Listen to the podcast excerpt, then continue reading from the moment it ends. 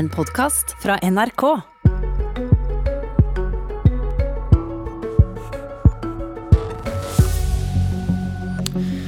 Bare flytt, Vitsø. Det er beskjeden til laksemilliardæren. Hilsen Rødt. For staten kan overta oppdrettsbedriften hvis familien Vitsø flytter til utlandet pga. formuesskatten. Dette er kommunisme, svarer Høyre. Vi skal også innom valgkampens store spørsmål mot slutten av Politisk kvarter. Hvem skal styre Norge? Men vi starter med lakseoppdretter Gunnar Witzøe, som har sagt at formuesskatten kan føre til at familien flytter ut av Norge.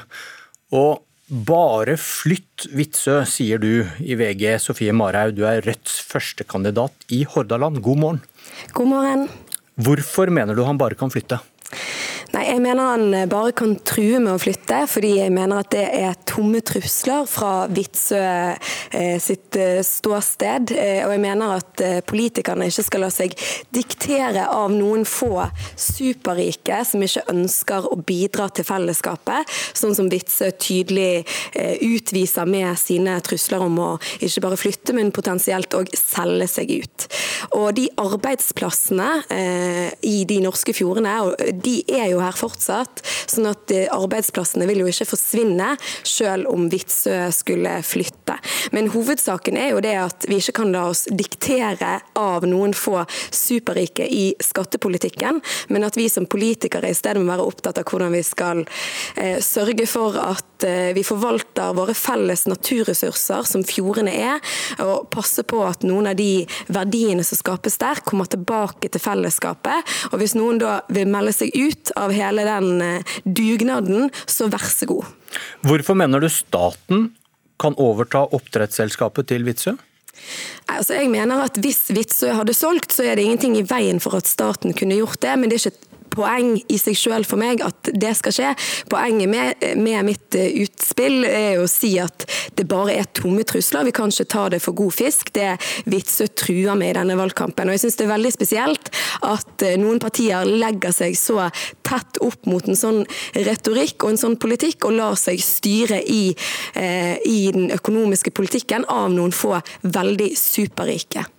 Vetle Wang Solheim, du sitter i finanskomiteen på Stortinget for Høyre. Hva, hva tenker du om Rødt sitt svar til Vitsø her? Ja, eh, God morgen. Jeg må jo bare si at eh, Det er veldig overraskende å, å se det svaret. Altså, når vi går til valg på å eh, fjerne formuesskatten på arbeidende kapital, så gjør vi det for å styrke det norske eierskapet. Og Det er en skatt som ikke tar hensyn til om man har overskudd eller underskudd i bedrifter. Eh, og det er en skatt som utenlandske eiere slipper. Eh, og det vi egentlig nå ser, er at vi har en samla venstreside fra Senterpartiet til Rødt, som egentlig går til valg på en ganske tydelig garanti. Og det er at eh, utenlandske bedriftseiere skal få det bedre, deres fortrinn skal bli bedre. Imens norske bedriftseiere får en garanti om at de må betale mer i skatt, rett og slett bare fordi de er norske. Og jeg mener det er en stor Eh, styrke for det norske fellesskapet at vi har norske bedriftseiere, altså bedriftseiere som har et lokalsamfunn de hører til, som har hjerte for eh, omlandet sitt og for at man skal skape arbeidsplasser rundt omkring i distriktene. Eh, og jeg tror at hvis Vi må hegne om det norske eierskapet hvis vi skal faktisk klare å få inntekter til fellesskapet. og Det er jo her Rødt med det her utspillet, altså bare tanken på at man skal begynne å gå inn her og nasjonalisere en privat næring som gir store inntekter til fellesskapet. Det viser jo bare med all tydelighet at det er en total mangel på forståelse eh, for hvordan man skaper privat vekst, nye arbeidsplasser, hvordan man har en god distriktspolitikk eh, i landet. Og du kaller det kommunisme? Ja, jeg kaller det kommunisme, og det er akkurat det det er. Altså, man foreslår her å skulle gå inn i en privat lønnsom næring, eh, overta det, kjøpe det opp og statliggjøre det.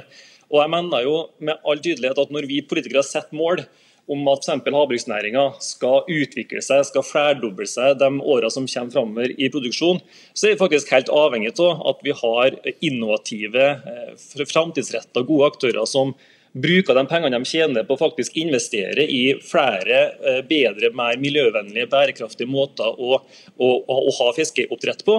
Og Det er akkurat det vi ser nå at de private gjør. De, de investerer, de er risikovillige, de ønsker å få til en god næring, og de sysselsetter mange tusen langs eh, kysten vår. og Det mener jeg er en suksessoppskrift som vi skal fortsette. Og De betaler jo i dag masser av skatt til staten. De betaler for konsesjonene, det er det vi som gir ut. De betaler Mara. selskapsskatt. Og det, og det her er, ja, det, er og det viser jo eh, hva eh, eh, Trygve Slagsvold Vedum og Jonas Gahr Støre får med på laget hvis man kommer i en sånn posisjon til høsten. Den skatten som Witzøe er redd for å betale på i 1,1 hvis de rød-grønne overtar, eh, det er forsvinnende lite i forhold til den formuen han har. Etter at eh, han hadde eh, tatt, tappet selskapet for utbytte og betalt utbytteskatt, hadde han hatt råd til å betale den summen tre ganger bare i år. Sånn at denne, dette skrekkscenarioet han tegner opp ved et regjeringsskifte i en skattedebatt som er helt legitim, den er veldig spesiell. og det er veldig spesielt spesielt òg at Høyre kaller det for kommunisme. Det er jo et ideologisk nivå på den debatten som er så lavt at jeg vet ikke hvor jeg skal begynne, egentlig. Eh, vi har en lang og stolt norsk tradisjon for å gå inn med statlige midler og statlig eierskap eh, til naturressursene våre, enten det er oljen eller vannkraften. Og til og med Høyre har vært med på det, så de bør jo gå i sin egen eh, Gå i seg sjøl, da, og ransake sin mørke historie hvis de mener at disse forslagene her er så forferdelig farlige og ille som det eh, representanten fra Høyre her tegner opp. Så det er eh, faktisk ikke mulig å ta seriøst. Og det er jo en retorikk som vi kjenner fra oppdrettsnæringen sjøl.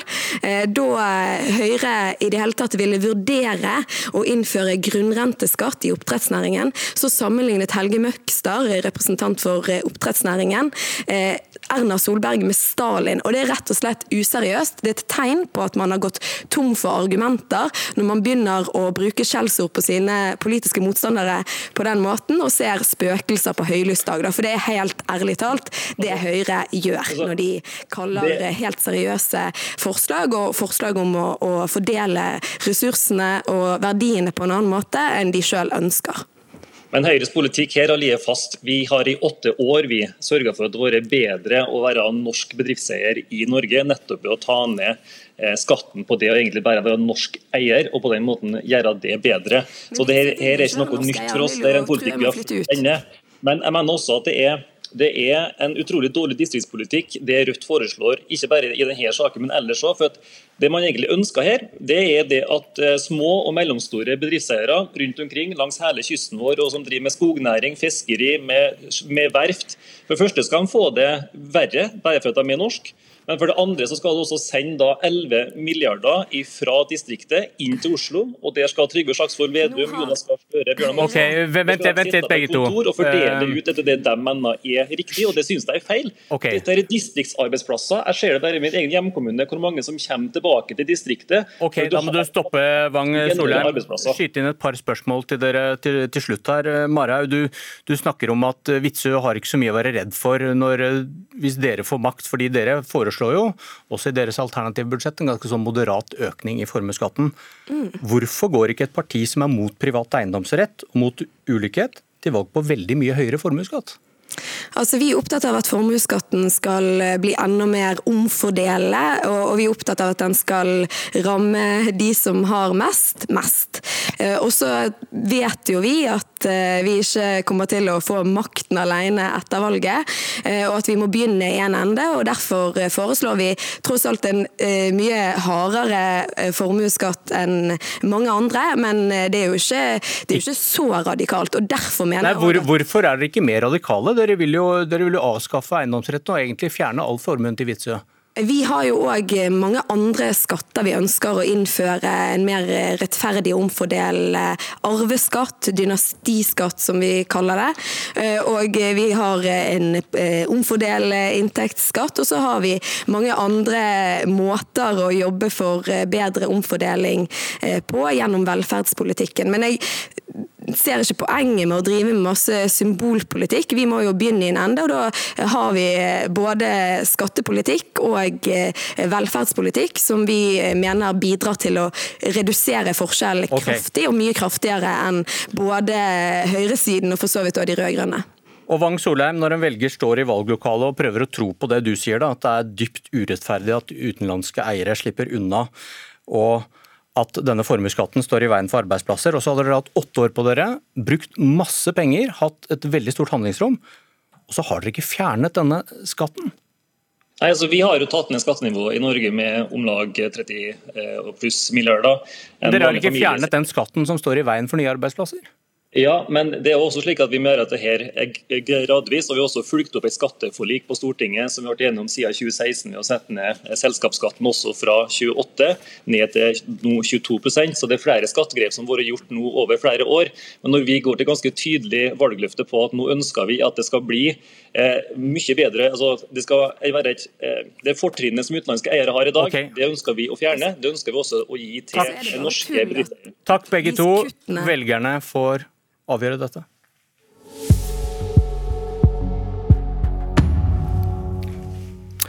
For hvem skal styre Norge? På, på forsiden av Aftenposten i dag står det en ren Ap-regjering kan bli aktuelt.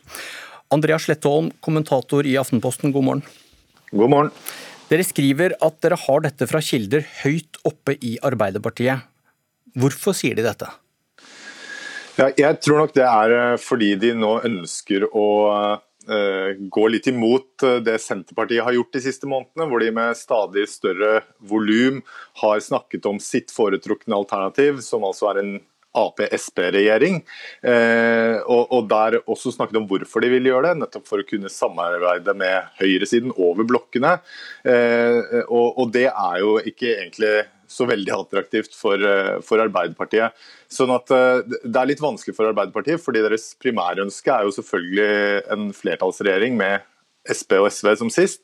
Eh, men, men om det ikke skulle gå, så forsvinner jo på en måte hele poenget med å samarbeide med andre partier hvis de allikevel må sitte i en mindretallsregjering. og det er, det er logikken at det kan være lurt å vise fram deres plan B, på en måte. Og Hva håper de å oppnå ved å vise fram sin plan B? Ja, nei, jeg tror, eh, det sender, det, jeg tror de håper at det kan sende et signal til eh, velgere som kanskje blir eh, usikre på om man kan få en sånn blokkoverskridende regjering. Og så er det jo også en må det nok leses også som en form for posisjonering eh, overfor de andre partiene, da, og kanskje spesielt overfor eh, Senterpartiet, eh, i da det som trolig blir kommende sonderinger etter valget, hvor man har tydelig flagget at at eh, Arbeiderpartiet ikke er eh, redd for å eh, regjere alene dersom det skulle bli nødvendig. Aftenposten bruker anonyme kilder her. Hvordan vet du at dere ikke blir brukt? Altså Alle anonyme kilder har jo en interesse av at noe skal komme på trykk, og det er jo vi helt klar over. Jeg, oppfatter at dette er noe som Arbeiderpartiet ikke er er lei seg for, å, for at det kommer ut.